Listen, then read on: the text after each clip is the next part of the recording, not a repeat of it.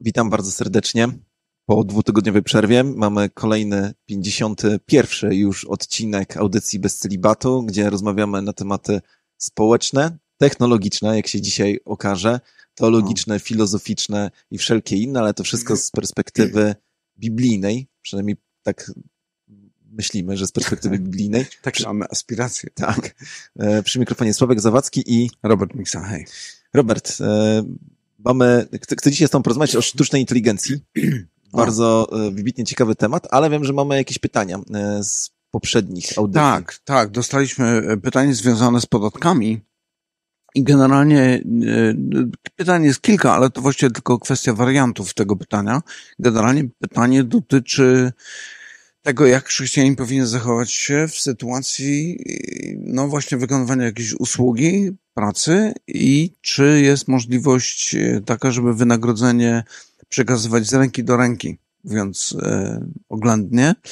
I tutaj różne warianty mogą być tak, takie, że to jest jakaś tam prywatna usługa, jako przedsiębiorcy w ten sposób się rozliczają, albo jeden jest chrześcijaninem, drugi nie jest chrześcijaninem. No więc to pytanie takie bardzo praktyczne, chyba głównie do ciebie skierowane. No, właśnie myślę, że ono jest skierowane do, również do ciebie, Robert, ale podam kilka przykładów. No właśnie. E, jeżeli ktoś jest przedsiębiorcą, prowadzi jednoosobową działalność gospodarczą, mhm. nie znam w tej chwili statystyk, ale w Polsce bardzo duża frakcja przedsiębiorców, e, takich właśnie jednoosobowych i nie tylko, w tej chwili ma bardzo ciężką sytuację finansową. I to objawia się w ten sposób, że komornik albo poborca podatkowy zajmuje ci konto. E, mało tego, nie tylko zajmuje ci konto, ale śledzi z kim zawierasz transakcję, żeby natychmiast zawiadomić tą drugą stronę, że w przypadku kolejnej transakcji środki, które będą wypłacane, nieważne czy w gotówce, czy przelewem, mają być przekazane na ręce tego komornika, a on no. tym dalej rozdysponuje. Jest taki przepis, który jeszcze mówi o tym, że on jest od kilku lat, że jeżeli masz konto bankowe jako osoba fizyczna, to bank w ciągu miesiąca musi zawsze zostawić ci minimalną krajową, niezajętą. Aha. To tak, tak to weszło, teraz to się, to się okay. zmieniło. No i teraz chodzi, wyobraźmy sobie taką sytuację, że jest przedsiębiorca, który ma pięcioosobową rodzinę i po prostu brakuje mu kasy na życie. Mm -hmm. Weźmy to tak skrajny przykład e, i pojawia się ktoś, kto chce zapłacić za jego usługę. No i pytanie jest takie, czy tutaj moralnie dopuszczamy taką opcję, że to rozliczenie będzie poza systemem. Mm. To znaczy, że Urząd Skarbowy nie będzie o tym wiedział, tylko ci dwaj mm. przedsiębiorcy. No i co takiemu komuś mamy odpowiedzieć? No oczywiście, że musi postąpić zgodnie ze swoim sumieniem, natomiast pytanie jest takie, kto jest ważniejszy, czy głowa państwa, czy rodzina w tym momencie? I tu przychodzi mi... No to głowa państwa urzędnicy chyba. Urzędnicy, no tak, tak. No, e, trochę to, to, to uprościłem. Przychodzi mi do głowy ten cytat, który sobie przypomniałem, rozmawialiśmy o nim przed audycją. Tak. Co jest największym problemem w małżeństwie? Pyta się Mark Twain. Tak. Jak z jednej pensji utrzymać e, żonę i resztę państwa. Tak? E, tak. I, to, i, to jest problem. Więc... Tak. Mm, ale to jest ciekawe, e, ten, to jego spostrzeżenie, bo ono pokazuje, na czym tak naprawdę polega problem. To znaczy, problem naszej lojalności wobec kogo powinien być pierwszy. I myślę sobie, że z takiej teologicznej perspektywy, no to powiedziałbym tak, że e, moją pierwszą odpowiedzialnością jest moja rodzina. Tak. E, I tutaj przypominają mi się różne sytuacje, nawet w Biblii opisywane, kiedy mamy do czynienia z sytuacjami, kiedy ktoś skłamał po to, żeby ratować czyjeś życie. Zresztą mamy tak, tego przykłady na przykład z czasów wojny, kiedy ktoś kłamie, prze, no, ukrywając u siebie w domu gdzieś tam Żydów, ktoś przychodzi, jakiś powiedzmy okupant pyta go, czy macie tam Żydów, on mówi oczywiście, że nie. Nie, a ma, więc i, i tu jest problem, czy on powinien dbać przede wszystkim o swoje sumienie, czy o życie tych ludzi, którzy w jego domu są schronieni, nie? No i myślę, że tutaj no są to strasznie trudne sytuacje. Znaczy tu może jest łatwiejsze do rozstrzygnięcia to, ale są takie sytuacje życiowe, które są naprawdę trudne. Tak, no i oczywiście jak mamy skrajny przykład, czyli taki, że muszę zdecydować e, o tym, czy przyniosę pieniądze dzisiaj do domu, żeby mieć na jedzenie, czy, żeby, e, czy jednak nie, e, no to tutaj ta decyzja jest prostsza. Ale problem zaczyna się wtedy, kiedy twoja sytuacja materialna nie jest tak skrajnie zła. To znaczy, mhm. jesteś w stanie przynieść, no tak, utrzymać tak, dom tak. na tym minimalnym poziomie, zapłacić za rachunki, mie mieć na jedzenie, ale na przykład twoje dzieci, które od trzech lat nie jeździły na wakacje, czwarty raz też nie pojadą. Mhm. No i tutaj się zaczynają wątpliwości tak, i to jest tak, kwestia zawsze sumienia i już wewnętrznych rozważań. No nie myślę, że nie ma takiej twardej e, odpowiedzi. No ja myślę sobie, patrząc e, znowu z tej mm, teologicznej perspektywy, że jeszcze dochodzi e, takie elementy jak po prostu grzech człowieka. Znaczy chodzi mi o sytuację, kiedy moją motywacją do tego, żeby czegoś nie zrobić, jest chciwość. Tak. Już nie troska o, o, o własną tak. rodzinę czy o dzieci, no bo mamy takie nawet obrazy, tam z różnych filmów, powiedzmy, chyba jakoś średniowiecze mi się przypomina, kiedy e, wysłannicy króla przyjeżdżają do jakiegoś domu, żeby zabrać podatek, ale nie zabierają podatek, tylko zabierają wszystko, co da się zjeść, nie?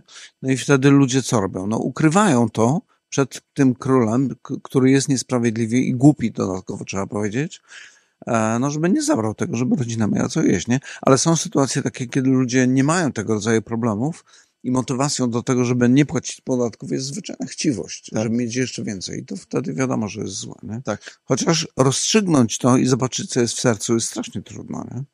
No to już zostawiamy Panu Bogu ocenę tego ostateczną. E, no i pewnie moglibyśmy o tym więcej rozmawiać, ale e, temat dzisiejszy tak. no, jest tak jak pozostałe tematy, mm, ale dzisiaj wydaje mi się szczególnie, jest wybitnie ciekawy, bo chciałbym z Tobą porozmawiać o sztucznej inteligencji. To może ją zapytamy, czy należy płacić podatki. E, no właśnie. E, no tutaj zróbmy jeszcze takie krótkie wprowadzenie. O sztucznej inteligencji mówi się już od daw bardzo dawna. Nie wiem, czy nie od lat 50. czy 60.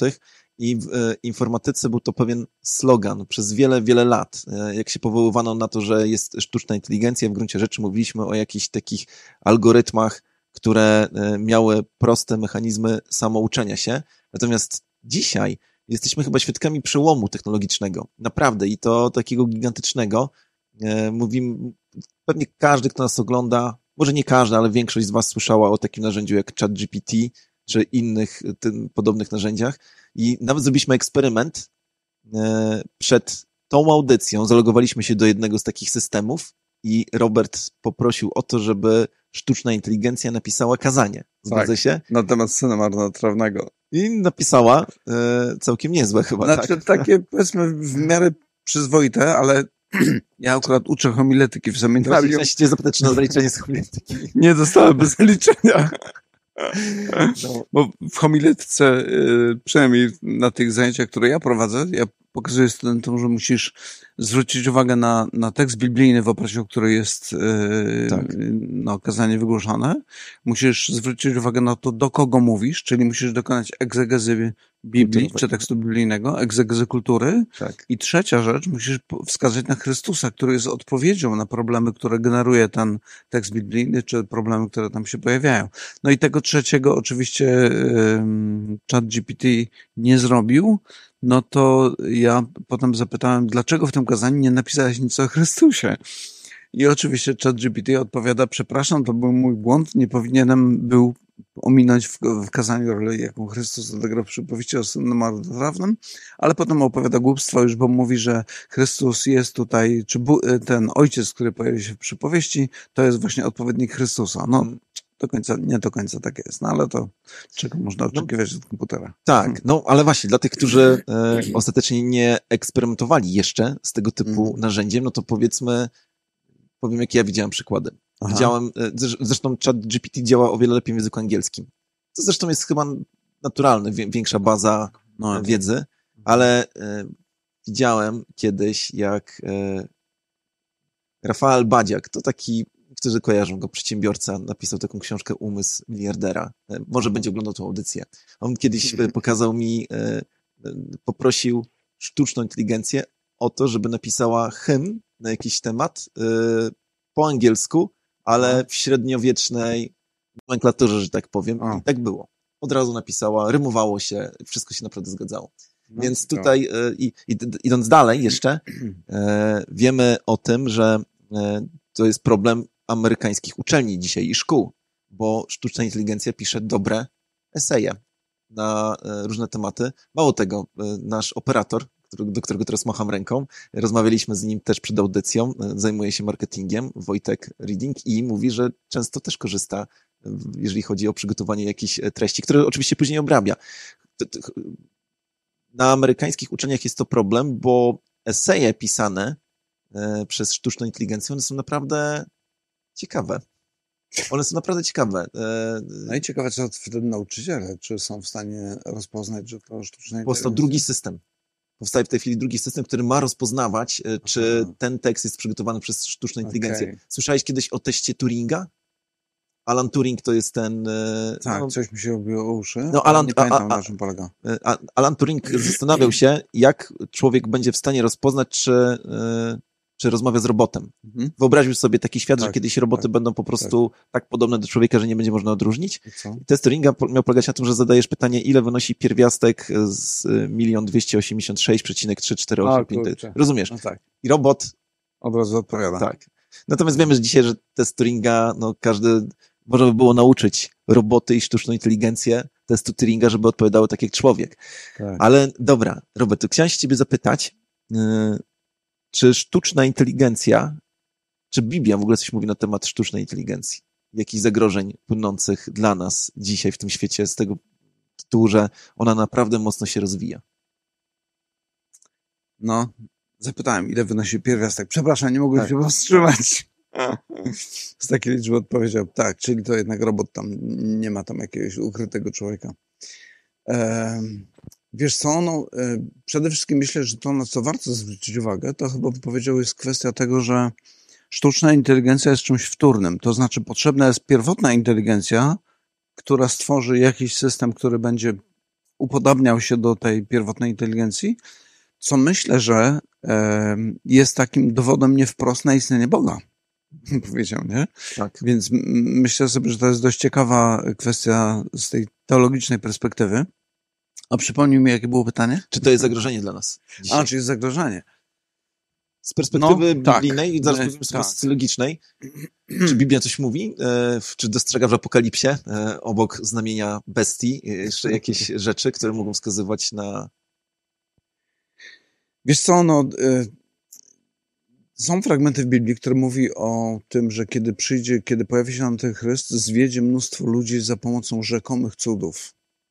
I myślę, że sztuczna inteligencja może być taką platformą, która będzie wykorzystywana do tego, żeby generować tego rodzaju sztuczne cuda, jakieś nadzwyczajne zjawiska, które nie, potrafi, nie będziemy potrafili ich wytłumaczyć i będziemy przekonani, że tak, to na pewno tutaj, no bo będzie nam się wydawało, że to stoi za tym człowiek, a może to sztuczna inteligencja będzie tym antychrystem, czy antychryst będzie sztuczną inteligencją. To jest tak ciekawe, naprawdę, bo właśnie zaraz powiemy dlaczego, e, ale to, co powiedziałeś jest bardzo e, ciekawe. Wróćmy jeszcze do tego wątku e, tej pierwotnej informacji. Najciekawsze jest to, że gdybyśmy poszli dzisiaj do jakiegokolwiek informatyka i powiedzieli, e, słuchaj, czy sztuczna inteligencja mogłaby zacząć pracować nie posiadając tego wstępnego wsadu informacyjnego? No właśnie. Nie, tak, każdy powie, że to jest po prostu niemożliwe, tak, no nie? Tak, tak. Więc chodzi mi o to, no że... Ja, ja bym zadał drugie pytanie, ale gdyby ta dyskietka, czy na dysk e, tak naprawdę długo leżał, tak. miliard lat na przykład, czy wtedy by to wygenerowało kod? No właśnie, chodzi mi o to, że informacja jest dowodem na to, że musi być pierwotny twórca tej tak. informacji. No nie? Ba bardzo ciekawy temat, jak mm. zdarza mi się gdzieś opowiadać o kryptowalutach, mm -hmm. to e, mówię o tym, że jest nie tylko materia i energia, ale jest właśnie trzecia składowa na tym świecie informacja. Tak. I... Jest taka bardzo ciekawa książka Wernera Gita, tak. profesora. E, na początku była informacja. Tak, na początku była informacja. Ciekawe, to taka trawestacja tego tekstu, na początku było słowo. Tak albo na początku Bóg stworzył i tak dalej, więc tu mam, na początku była informacja. No i kiedy, no to, to jest dla mnie fascynujące, kiedy patrzymy w głąb człowieka, komórki, to odkrywamy, że tam jest całe mnóstwo informacji, tak. nie? Tak, no. no właśnie, czyli znowu zrobiliśmy dygresję, ale wa ważną. E, informacja jest dowodem na to, że istnieje jej twórca. Kiedyś pewnie jeszcze o tym więcej porozmawiamy, ale e, wróćmy do tych e, zagrożeń. Czy czy potrafisz sobie wyobrazić, że nagle na świecie nie ma prądu? I to nie na godzinę, na rok. W ogóle. Tak. Wow. No na taki czas właśnie ten. Czy, czy, czy, jaki byłby tego skutek? Czy wzrosłaby śmiertelność e, na świecie? O, zdecydowanie. Tak. Wszystkie szpitale nagle tak. przestają działać, systemy komunikacji przestają działać, tak. systemy transportu przestają działać. Właściwie wracamy do Właśnie, jesteśmy, znaczy fakt jest taki, że my od y, technologii, nawet tej takiej dzisiaj bardzo prostej, czyli od elektryczności jesteśmy uzależnieni. Jakby tak. jej zniknięcie sprawia, że dzieje się coś nie tak. Dobra. E, czy wiesz o tym, że dzisiaj, nie znam statystyk, ale sam tego doświadczam. Jak e, jestem, stawiam taką tezę, że zdolność do orientacji w terenie, średnia zdolność do orientacji w, te, w terenie dzisiejszego pokolenia jest zdecydowanie mniejsza mhm. niż to, co było 20 lat temu. Dlaczego? Okay. Dlatego, że mamy nawigację. Mhm. Jak e, jeszcze pamiętam, jak ja zacząłem jeździć samochodem, to, e, to musiałem jeździć, jeszcze się uczyłem mapy. I to było tak, że tam patrzyłem. Ten, ten. Dzisiaj, jak muszę patrzeć na mapę, jadę samochodem, to naprawdę boli mi głowa. E, no po prostu włączam, tak. włączam tą nawigację i znowuż potrafię sobie wyobrazić coś takiego, że gdyby nagle GPS przestał działać, który jest Aha. zresztą amerykańskim systemem, to jest ciekawe, przestaje działać, mhm. to nie wiem, czy by wzrosła śmiertelność, pewnie też, ale coś by się wydarzyło, e, bo jesteśmy uzależnieni już od tego, od tej technologii. Tak. E, znowuż, gdyby Google przestało działać, wszystkie wyszukiwarki, myślę sobie, że istotna część naukowców miałaby problem, bo my już nie straciliśmy tą zdolność dochodzenia biblioteki, mhm. szukania źródeł, po prostu wpisujemy hasło. Dzisiaj w ogóle mamy super przeglądarkę tekstów naukowych. E, tak. No i teraz do czego zmierzam? Zmierzam do tego, mhm. że wielkie zagrożenie, jakie dostrzegam, jest takie, że stracimy zdolność do przeprowadzania badań i researchu, bo ludzie, dzisiaj jeszcze jak zadajesz pytanie w Google'ach e, e, na temat, no chcesz zrobić jakieś, jakieś badanie, to musisz się jeszcze wysilić, zrobić, nie wiem, inwentaryzację źródeł, dokonać ich oceny, wyciągnąć tak. jakieś wnioski, ale za rok, za dwa, za pięć będziesz wchodził po prostu do systemu, gdzie jest sztuczna inteligencja i będziesz pytał się, opowiedz mi o tym, dlaczego niebo jest niebieskie. Albo jak to jest, czy Ziemia kręci się wokół Słońca, czy odwrotnie. I, i, i chodzi o to, że większość z nas będzie ufała. Nie, nie stracimy zdolność tak. do tego, żeby dokonywać oceny. I to jest wielkie zagrożenie. Tak, bo nagle się pojawia kwestia autorytetu i nie wiadomo, kto nagle stanie się tym autorytetem, ponieważ nie wiadomo, kto będzie gdzieś tam stał za informacjami albo sposobem przetwarzania tych informacji, które gener będzie generowała sztuczna inteligencja. No i wtedy może się okazać, że ktoś owija nas sobie wokół palca i robi z nami co chcemy, nie? Będzie nam wmawiał, że rzeczy, które nie są prawdziwe, są prawdziwe, wydarzenia, które się nie wydarzyły, wydarzyły się, tak. interpretował to wydarzenie tak jak chce, brał pod uwagę tylko te fakty, które jemu pasują. No, ten problem, który dzisiaj znamy, który, o którym mówimy, że ktoś manipuluje informacjami, nie? że potem się nazywa jakąś tam jedną, czy drugą, czy trzecią stację radiową szczujnią. E, tak naprawdę wszyscy właściwie piszą z jakiejś swojej perspektywy, którą uważają za prawdziwą. No a w momencie, kiedy to będzie sztuczna inteligencja, to jeszcze pojawi się dodatkowy problem, bo nie będzie bardzo wiadomo, kto za tym stoi.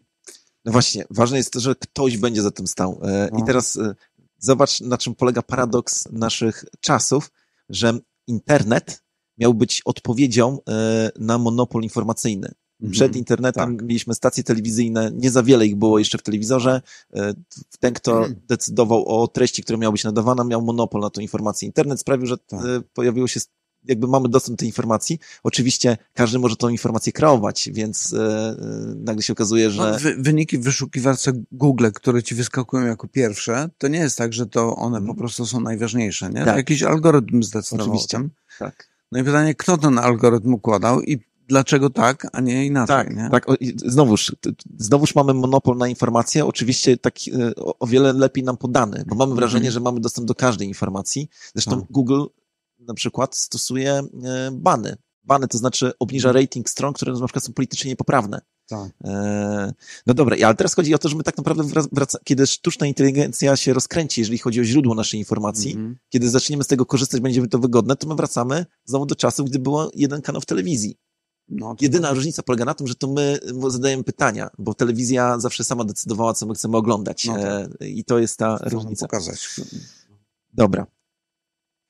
Idźmy dalej. Zadam teraz pytanie niezwiązane z tematem, a później zobaczymy, czy jest związane z tematem. Dlaczego Biblia mówi o tym, że znęcanie się nad zwierzętami jest złe? No bo jest złe. Tak, ale chodzi mi, czy, czy jaka jest motywacja? Um, no, to jest ciekawa kwestia. E, Znaczy, jakby to nie mamy informacji wprost, która by mówiła o tym, e, dlaczego znęcanie się nad zwierzętami jest złe. Mamy, mamy e, jakby zakaz robienia czegoś takiego. Natomiast dzisiaj problem, który widzę, to jest taki, że właśnie z powodu między innymi nieumiejętności poradzenia sobie z odpowiedzią na to pytanie, które zadałeś, mamy taki problem, że zaczynamy zrównywać ludzi i zwierzęta i nie widzimy różnicy między nami a zwierzętami, więc pojawiają się, to powiedzmy, są takie miękkie głosy mówiące o tym, że e, mięsa nie należy jeść, no bo to są nasi, tam ktoś mówi, młodsi bracia tak. i dlaczego uważamy, że one są mniej ważne niż my. E, ja to tak trochę pół żartem, pół serię mówię, no to czyli co, jeżeli one są tak samo ważne jak my, to chcemy im co, przyznać te same prawa, które mają ludzie, tak? Czyli na, na przykład prawo do swobodnego przemieszczania się, prawo do jedzenia tak. tego, co chcą, mieszkania tam, gdzie chcą, czyli co, otwieramy nasz świat na świat zwierząt i tak naprawdę poddajemy się ich dy dyktatowi, ponieważ one nie będą e, respektowały żadnych praw kulturowych, cywilizacyjnych, które my sobie ustanowiliśmy. One tak. będą się kierowały instynktem. Tak. I jakby zadałem to pytanie, e, nawet nie po to, żeby otwierać dyskusję na temat e, mhm. równości zwierząt i ludzi. Mhm. No to, to, to jest temat na oddzielną audycję, mhm. ale po to, że myślę sobie, że motywacją, która stoi za tym, że nie powinniśmy się znęcać nad zwierzętami, jest to, że zwierzęta czują. Mhm. Czują strach, czują mhm. E, ból, e, są istotami, które e, no, nie mają rozumu, ale mają mhm. instynkt i, mhm. no i my naprawdę zadajemy im ból. No, dlatego uciekają na przykład, kiedy są bite, tak. nie? I, mogą. I, I, to nie jest dobre po prostu, żeby mhm. zadawać komuś ból, nawet jeżeli nie jest człowiekiem. I teraz mhm. chci chciałbym zachęcić wszystkich tych, którzy nas oglądają do tego, żeby czytali kiedyś książkę o pilocie Pirksie Stanisława Lema, którego oczywiście bardzo uwielbiam. I tam jest takie opowiadanie, które, którego tytuł brzmi Wypadek. To opowiadanie opowiada o tym, że e, na jednej ze stacji kosmicznych, gdzieś tam na jakiejś planecie, która jest po prostu bezludna, prowadzone są badania, jest e, dwóch albo trzech naukowców, e, ale jest bardzo zła pogoda. Oni wypuszczają robota, który tam z nimi stacjonował, i ten robot idzie na badania. W tej złej pogodzie, zbierając materiały. I problem polega na tym, że ten robot nie wraca. E, tam naprawdę jest ciekawa e, ta historia. Trochę ją opowiem, ale nie chodzi o, o spoilowanie, bo sama atmosfera w tym opowiadaniu jest niezwykła. Widać jeszcze, że ci naukowcy jakoś tak za bardzo się nie dogadują. Nie lubią się, e, każdy z innej mańki, że tak powiem. No ale decydują się w końcu na to, żeby pójść i poszukiwać tego robota, który im po prostu zginął. Wychodzą, ta pogoda się chyba już poprawia, no i jakby w pewnym momencie docierają do gór, które są po prostu przepiękne. I widzą taką ścianę, na którą naprawdę każdy by się chciał wspiąć, bo jest super ścianą. I okazuje się, że ten Robert zaczął się. Robot. przepraszam. Ro, robot, przepraszam. Robot zaczął się wspinać i spadł z tej ściany i się rozbił. Wniosek, który wyciągają jest taki, że ten robot, który był sztuczną inteligencją, mhm. nie miał emocji i tak dalej, dostrzegł piękno gór w pewnym momencie i zapragnął tam wejść. Mhm. I to jest dyskusja, w ogóle w e, opowieściach o pilocie Pirksie tych dyskusji jest więcej. E, mhm.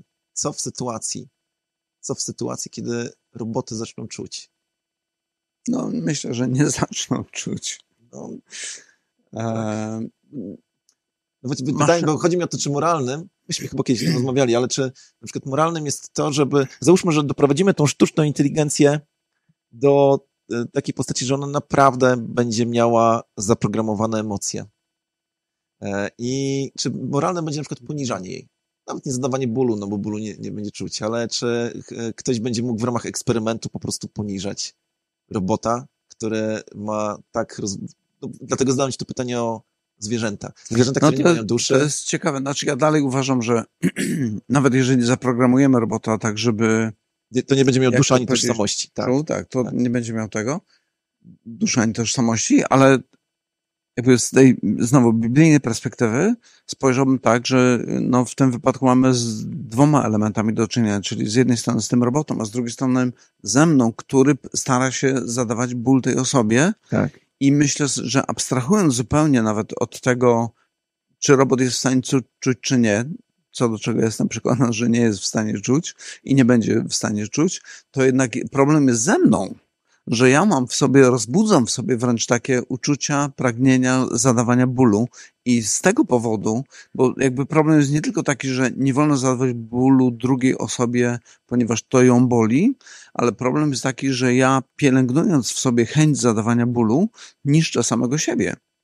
I myślę, że to jest dużo większy problem, który myślę, że w wielu innych obszarach również ma znaczenie, e, że my dopuszczając się tego, co Biblia nazywa grzechem, niszczymy samych siebie, nie tylko tak. innych, bo to nie zawsze jest tak, że to dotyka jakieś inne osoby. Teraz jak o tym mówiłeś, to przypomniałem sobie o takim prawniku, Bogusław Sigit, właśnie sprawdziłem jeszcze e, informacje na jego temat, to jest e, prawnik e, zajmujący się przede wszystkim prawem karnym i kryminalistyką i on kiedyś badał wyroki śmierci, które były w Polsce wykonane. Mhm. No i e, badał również, e, znaczy, no, przytaczał szczegóły na temat tych ludzi, którzy zostali skazani i okazuje się, że na przykład mordercy, tacy w Polsce, którzy zabijali zimną krwią, w dzieciństwie znęcali się nad zwierzętami. Mhm. Jakby, więc fakt, że to, idąc w tą nutę, o której ty powiedziałeś, fakt, tak, że tak, ja tak. mam satysfakcję z poniżenia czy zwierzęcia, czy nawet w przyszłości sztucznej inteligencji, czy, czy robota, świadczy o tym, że coś się ze mną dzieje nie tak. I, że, tak. i, i tutaj ciekawe. Gdzieś tam rozwijam dalej to, tak. to, to, to uszkodzenie, że tak powiem w cudzysłowie wewnętrzne. Tak. No dobra. E, a powiedz Robert, e, czy wyobrażasz sobie coś takiego, że sztuczna inteligencja będzie już na tyle rozwinięta, przeczyta wszystkie książki Kellera, e, wszystkie książki na temat homiletyki, że wysłucha miliona kazań z całego świata. Czy wyobrażasz sobie, że sztuczna inteligencja będzie pisała dobre kazania? No teoretycznie to jest możliwe, zakładając ten model, który powiedziałeś, ale to znowu wróćmy do, do samego początku, o, o, którym mówiliśmy, czyli że za sztuczną inteligencją pierwotnie stoi jakaś inna inteligencja, no tak. więc ona jakby korzysta z inteligencji zbiorowej. Nie wiem, czy jest coś takiego, może jest. E, no i wyciąga to, co najlepsze e, prezentuje. No to bym powiedział, że to trochę mi to przypomina um, plagiat, chociaż to nie do końca jest plagiat, bo jednak to wynika z przetworzenia pewnej tak. informacji. Um, ale zauważ, że nawet w pisaniu prac naukowych plagiatem jest nie tylko e, brak umieszczenia cudzysłowiu, cudzysłowia, cudzysłowia Chyba no tych znaczków, tak, cudzysłów tak, na tak. początku tak. i na końcu. Dwóch przecinków na początku i na końcu, tak. tak. E, ale plagiatem jest również e, referowanie pewnych idei i nie zaznaczenie, że one pochodzą, te idee, od jakiegoś e, tak, innego ale autora. No, nowe idee powstają w wyniku tego, że nasze synapsy po prostu mocno się wymieniają impulsami elektrycznymi, a sztuczna inteligencja tych synaps ma więcej. Nie? To jest ważne. No, przedstawiłeś teraz bardzo materialistyczną perspektywę umysłu ludzkiego. Ale jasne, ja. No, Okej. Okay. Ale myślisz, że. E, Myślę, że to, co się dzieje w mózgu, jako takim jest czymś wtórnym w stosunku do umysłu. Mm. Mózg jest czymś wtórnym w stosunku do umysłu. Umysł to jesteś ty, mózg to jest narzędzie, którym umysł się posługuje. Tak, znaczy ja e, ch chciałem wyrazić w ten sposób e, taką jakby w żadnej mierze nie chciałem powiedzieć.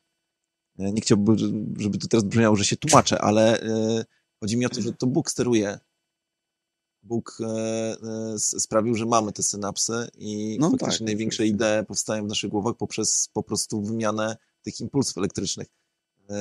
No bo zobacz. No przepływ informacji powiedzmy tak, tak. się jakoś tam odbywa w uproszczeniu. No bo toż, to, tożsamość i świadomość tego, że, że jestem, to jest faktycznie nasza dusza według mnie. Mm. To jest coś, czego e, nie da się e, odtworzyć za pomocą właśnie działania naszego mózgu. To, to, to, mm. dlatego tak, ja też wierzę, tak jak ty, że sztuczna inteligencja nigdy nie stanie się niezależna, bo mhm. ona nie jest w stanie mieć swojej tożsamości. Natomiast mm. fakt jest taki, że idee, które powstają w naszych głowach, powstają w wyniku tych y, działań już elektrycznych w naszej głowie. Dowód? Są ludzie, którzy mają mniej rozwinięty umysł od ludzi, którzy mają bardziej rozwinięty umysł mhm. i mamy silną korelację.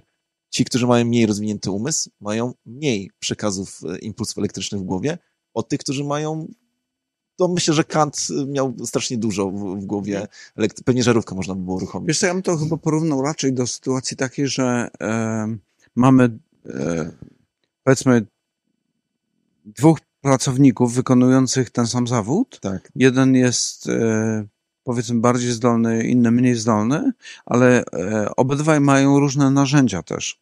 I nawet ten mniej zdolny, powiedzmy, albo inaczej, mniej moralny, powiedzmy, ma lepsze narzędzia i potrafi lepiej wykonać swoją pracę, a ten bardziej moralny ma gorsze narzędzia i gorzej będzie wykonywał pracę. Chodzi mi o to, że ja cały czas chciałbym bardzo silnie odróżnić umysł od mózgu, e, podkreślając, że mózg to jest rodzaj narzędzia, którym ty dysponujesz. I oczywiście w zależności od rozwinięcia, stopnia rozwinięcia tego mózgu, co też można, nad czym też można pracować, e, ta efektywność mojej pracy będzie mniejsza lub większa. No tak, tak, ale chodzi mi e, o coś takiego, że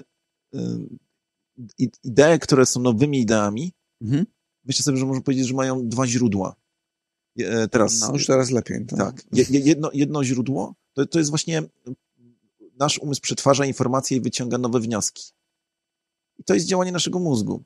A drugie źródło to jest, właśnie może to trzeba zaznaczyć, to jest po prostu objawienie, działanie Ducha Świętego, pojawienie się pewnej myśli w naszej głowie, która nie pochodzi... Ale cały czas pomijasz osobę jako taką, która posługuje się mózgiem.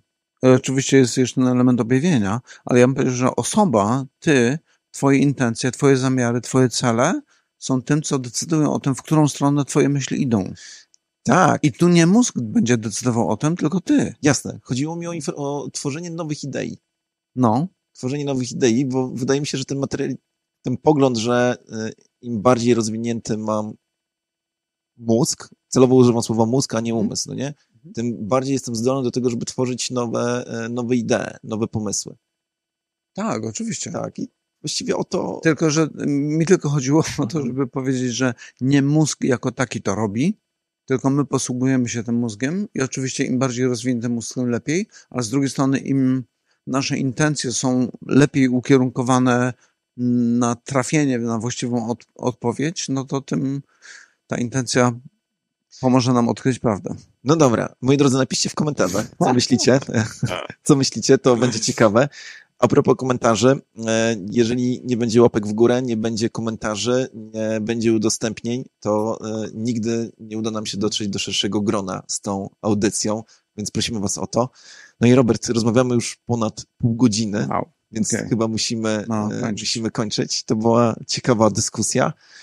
Wiesz co, ale jedna myśl, której Dobra. nie mogę się pozbyć, która Jasne. mi gdzieś tam pojawiła się w głowie, kiedy mówiliśmy o tych, o tym, że za każdą informacją stoi jakiś umysł, jakaś osoba, to ostatecznie jakby przychodzi mi taka myśl do głowy, że my będziemy mieli bardzo poważny problem autorytetu. Tam wspomnieliśmy tak. o czymś takim, ale chodzi mi o to, że to będzie dotyczyło wszystkich naszych dziedzin, e, łącznie na przykład z kwestiami teologicznymi, o których często rozmawiamy, E, skąd wiem, że istnieje Bóg, albo skąd wiem, że Chrystus był tym, za kogo się podawał. Tak. E, I kilka dni temu napisał do mnie ktoś i mówi, słuchaj, jakiś kolega, z którym rozmawiałem, mówi, że e, to, co Chrystus mówi na temat, nie wiem, tam stworzenia czy czegokolwiek, to są wszystko jego produkty jego wyobraźni, on miał halucynacje i w ogóle to jakieś głupoty są i tak. dlatego w ogóle nie należy mu wierzyć.